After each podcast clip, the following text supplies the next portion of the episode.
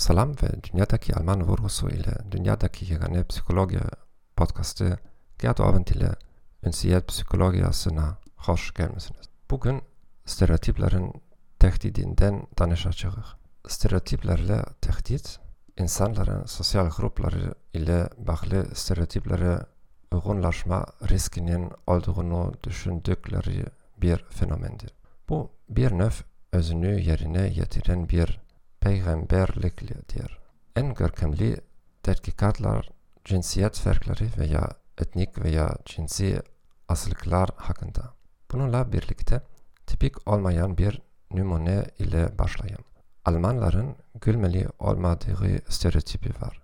Yakşı bir zarafat his etmediklerini.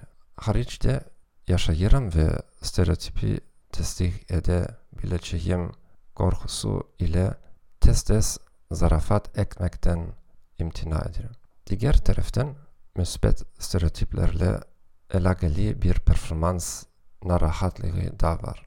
Almanların vaktinde olmaları lazım olduğu gibi vaktim olmayanda hemişe narahat olurum. Çünkü insanlar beni çok geç gelen nadir Alman kimi lağa koyabilirler. Klotzil kişi şagirdleri ve kız şagirdleri riyaziyat başarıkları testine kattı. Sınavdan bir müddet evvel iştirakçıların yarısına bu teste ümumiyetle büyük cinsiyet farklarının olduğunu söylediler. Bu vaziyette kadınlar kişilere nispeten daha pis neticeler elde ettiler. Numunenin diğer yarısı bu ifadeni almadı. Bu grubun neticelerinde ciddi cinsiyet farkı yok idi. Harvard Üniversitesi'ndeki bir araştırma grubu medeni cihetten geniş yayılmış iki stereotipi ve riyaziyat testindeki performansı nece tesir ettiklerini araştırdı.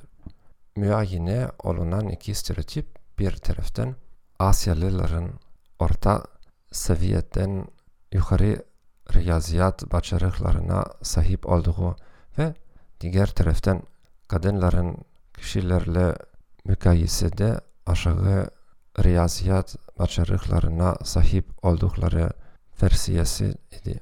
Tetkikat gösterir ki Asya Amerikalı kadınlar etnik kimliği aktifleştirildiği zaman riyaziyat testinde daha yaşı netice gösterirdiler.